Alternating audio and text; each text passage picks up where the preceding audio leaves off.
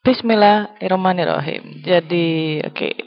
Ini adalah bagian materi dari pengantar ilmu ekonomi yang um, akan saya bahas yakni National Income Accounting ini adalah salah satu cara untuk metode untuk um, mengukur uh, pendapatan nasional. Ini udah pernah saya singgung ketika saya membahas tentang luaran ekonomi makro. Jadi kita akan bahas sedikit fundamental dasar saja ya tentang makroekonomi tidak tidak usah terlalu rumit karena mata kuliah ini untuk program untuk pengantar program studi administrasi negara di universitas tempat saya mengajar. Oke. Okay. Mengukur luaran makroekonomi. Makro luaran makroekonomi ini cara mengukur, mengukurnya gampang-gampang susah ya. Bukan hal yang mudah terutama untuk program studi yang basicnya tidak ada accountingnya atau ada basic account accounting tapi itu sifatnya pendamping. Atau mungkin mahasiswa kalau misalnya tertarik untuk melakukan in, uh, untuk mengetahui tentang accounting national income ini atau national income accounting ini uh, bisa mengambil jika um, implement eh, jika kampus merdeka sudah diimplementasikan maka bisa mengambil uh, pro, apa namanya mata kuliah accounting national income accounting ini di Fakultas Ekonomi. Oke. Okay? Jadi gini, uh, mengukur luaran dalam perspektif makroekonomi ini itu agak sedikit berbeda ya. Misalnya coba saja kita saja contoh gross domestic gross domestic product gitu. Agar bisa mengukur pendapatan nasional, maka kita mengukurnya pakai uh, pendapatan pendapatan nasional bruto. Apa itu pendapatan eh salah pendapatan domestik bruto. Apa itu pendapatan domestik bruto? Pendapatan pendapatan produk domestik bruto adalah setiap barang dan jasa yang diproduksi dan dibawa ke mark uh, ke uh, setiap barang barang dan jasa yang diproduksi di pasar domestik suatu negara itu semuanya dihitung dan itulah adalah pendapatan eh, adalah GDP ya gross domestic product. Jadi misalnya apa? Uh, misalnya kita sering tuh kalau kita membaca kolom opini di Kompas, paper Kompas ya atau di kompas.id, maka kita akan menemukan oh uh, nilai ekspor misalnya. Berapa ribu mobil uh, Indonesia nilai ekspor berapa ribu mobil Indonesia SMK ke Thailand itu senilai misalnya 400 juta dolar ya misalnya nih ya. Kemudian jadi uh, ya kemudian misalnya 2 juta sepeda buatan. PT Inserasena bermerek Polygon di Sidoarjo. Itu dikirim ke Eropa dengan nilai kira-kira 150 juta. Atau hmm, pasir. Oh Indonesia tidak pernah sih ekspor pasir ya secara legal. Kalau ilegal sih banyak ya. Di daerah dekat-dekat Surat Sumatera itu kalau nggak salah ya. Um, ya itu. Jadi kita kalau ngomongin soal GDP itu yang muncul adalah istilah-istilah moneter misalnya. Yang seperti saya sebutkan tadi atau kalau dari buku yang saya baca ini misalnya 2 juta jeruk dengan harga masing-masing 0,20 dolar itu senilai 400 juta dolar ya kan? Terus 2 juta sepeda yang diekspor dengan nilai misalnya 50 dolar itu eh yang dihargai 50 dolar masing-masingnya dihargai 50 dolar itu seharga 100 juta dan nanti itu dihitung semuanya kira-kira totalnya 500 juta untuk dua uh, produk itu saja ya kan? uh, kemudian cara mengukur GDP adalah membandingkan GDP, GDP tahun lalu dengan GDP sekarang untuk sejumlah produk yang sudah ditentukan. Jadi, jadi tergantung ini yang mau kita harus sepakat dulu. Atau kalau kalau kalian mau menghitung kita harus sepakat dulu produk apa yang mesti diikutkan nah, untuk mengukur GDP ini. Lanjut. ada GDP versus GNP. Apa perbedaannya? GDP adalah semua barang dan jasa yang diproduksi oleh suatu negara di dalam negara itu sendiri.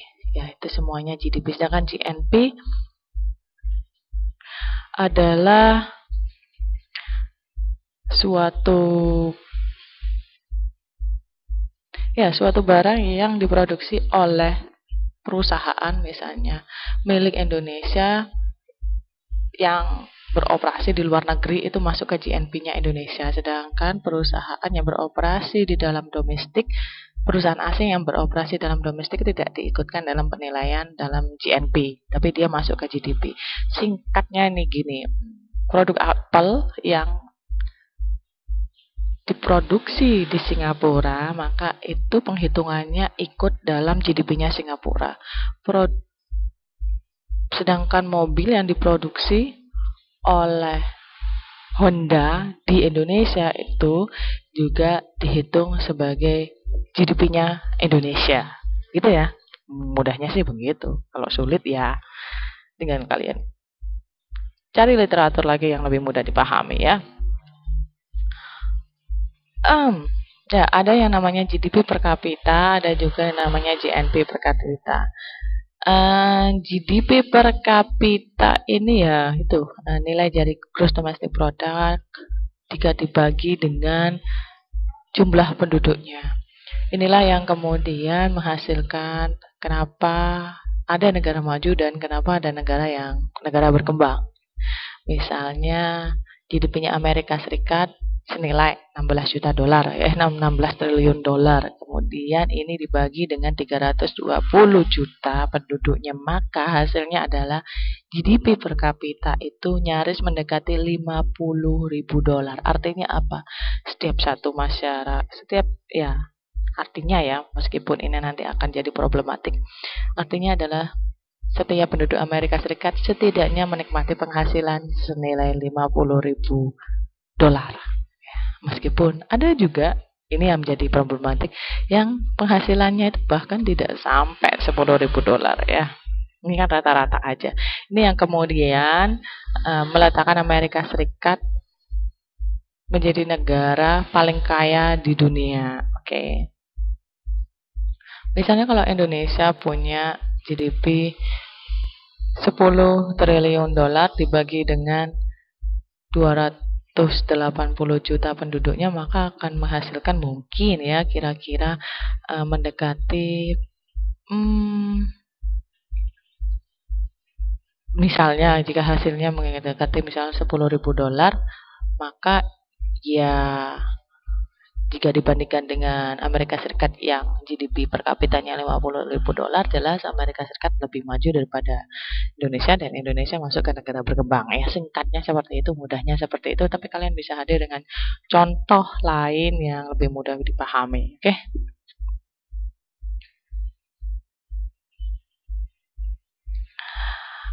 Ya, pengukuran GDP sayangnya tidak mewakili bagaimana distribusi GDP tersebut atau tidak banyak menjelaskan informasi tentang bagaimana GDP itu terdistribusi, terdistribusi. Karena penghitungan secara GDP ini hanya penghitungan statistik saja gitu. Tidak tidak memberikan informasi tentang ya apakah GDP ini terdistribusi secara normal atau tidak gitu. Ya kenyataannya sih yang gaji yang yang uangnya banyak kan hanya satu persen penduduk dunia kan ya sisanya kan tidak benar-benar sesuai dengan uh, iya tidak benar-benar sesuai dengan yang yang yang figur statistik atau angka statistik statistik rumuskan. Kemudian tapi GDP mengandung arti bahwa penduduk dengan GDP lebih tinggi dia lebih punya akses terhadap banyak hal daripada uh, penduduk dengan GDP yang lebih rendah. Artinya apa? Punya banyak akses apa artinya? Artinya uh, lebih bisa menikmati misalnya uh, fasilitas kesehatan lebih baik daripada penduduk suatu negara dengan GDP rendah gitu. Jadi angka angka harapan hidupnya itu lebih tinggi daripada negara um, GDP rendah, kemudian tingkat kematian anaknya itu lebih rendah daripada eh ya oh, negara penduduk dengan GDP dengan negara dengan GDP tinggi itu memiliki tingkat kematian anak lebih rendah daripada negara dengan GDP rendah. Kemudian akses terhadap kebersihan itu lebih baik daripada negara yang ber-GDP rendah. Kemudian mereka memiliki fasilitas lebih baik ya, jalanan kualitas jalanan yang lebih baik daripada negara dengan GDP rendah. Jadi gitu. Itu it, itu hanyalah hal-hal yang kemudian uh, merepresentasikan bahwa ada ketimpangan antara negara ber-GDP tinggi dengan negara ber-GDP rendah. Timpangan itu salah satunya dipresentasikan dengan tingkat mereka menikmati ya hal-hal publik gitu kan. Oke. Okay.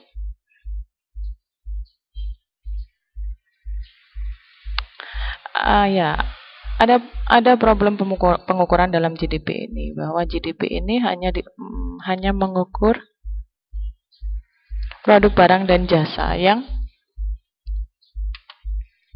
uh, ya yang dijual di market saja, tapi yang dijual di underground market nggak diukur. Padahal kalau diukur juga maka nilai barang dan jasa yang dijual di underground market itu lebih besar. Apa itu underground market? Underground market adalah ya yang paling mudah kita kenali sebagai ekonomi informal yang pajaknya tidak tercatat, yang mereka bekerja tidak dikenai pajak atau mereka yang bekerja yang hasilnya itu menghindari pajak itu yang disebut dengan underground economy. Oke. Okay apa sih contoh underground ekonomi ya misalnya hmm, nih pembantu rumah tangga atau di sini disebut domestic labor kemudian pengasuh anak pengasuhan anak tempat-tempat pengasuhan anak kemudian tempat-tempat servis ya servis HP servis komputer servis gas servis apa ya servis mobil ya jasa cuci mobil, cuci sepeda motor itu kan nggak dikenai pajak. Terus jasa laundry, jasa jahit menjahit, ya kan. Jasa pemeliharaan barang-barang tertentu ya atau barang-barang yang digunakan ya appliance gitu. Jasa bengkel, ya jasa salon, jasa catering itu kan dari kenai pajak gitu ya. Itu yang nilainya bisa berlipat-lipat lebih dari yang ya, lebih dari nilai yang terekam oleh GDP.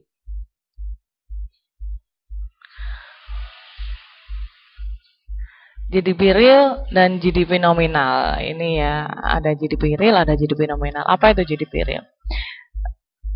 GDP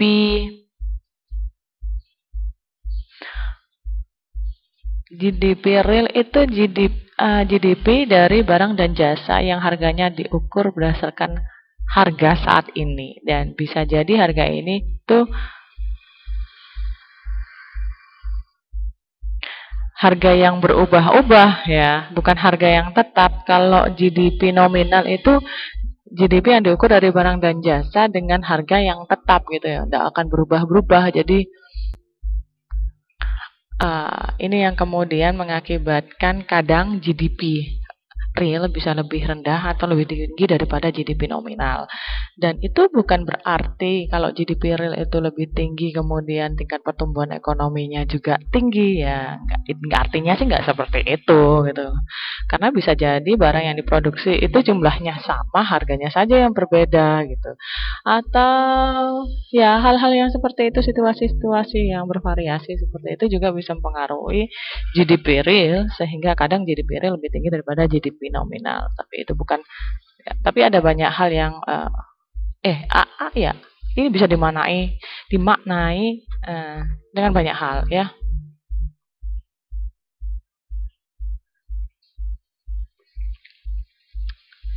Ya, bahkan ada situasi yang disebut dengan zero growth, yang artinya gini, GDP realnya tinggi, ternyata GDP nominalnya rendah, tetapi uh, jumlah yang diproduksi, misalnya jumlah barang dan jasa yang diukur dalam pengukuran GDP itu ternyata tetap itu yang disebut dengan zero growth ya, meskipun GDP realnya itu lebih tinggi. Oke. Okay.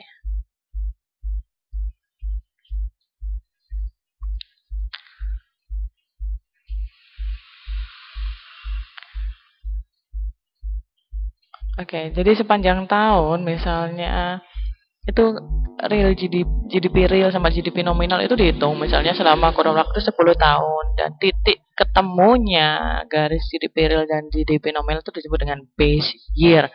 Base year ini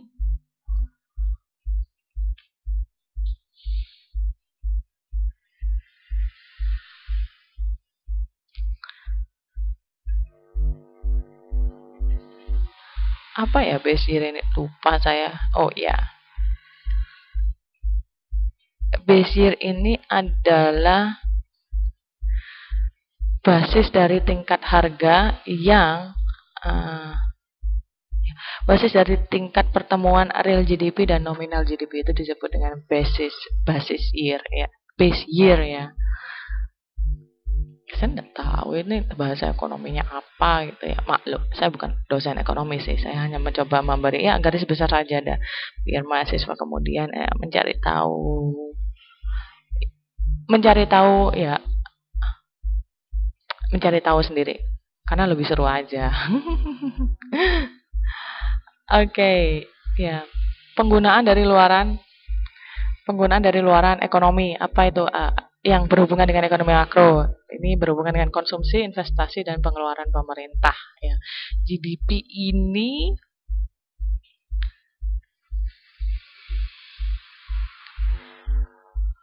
GDP ini bisa digunakan ya apa hmm.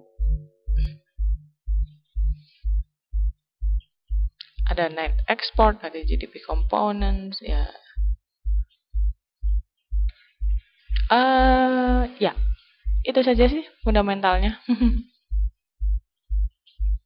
Lainnya sifatnya pengukuran semua nih. Ah, belum saya pelajari.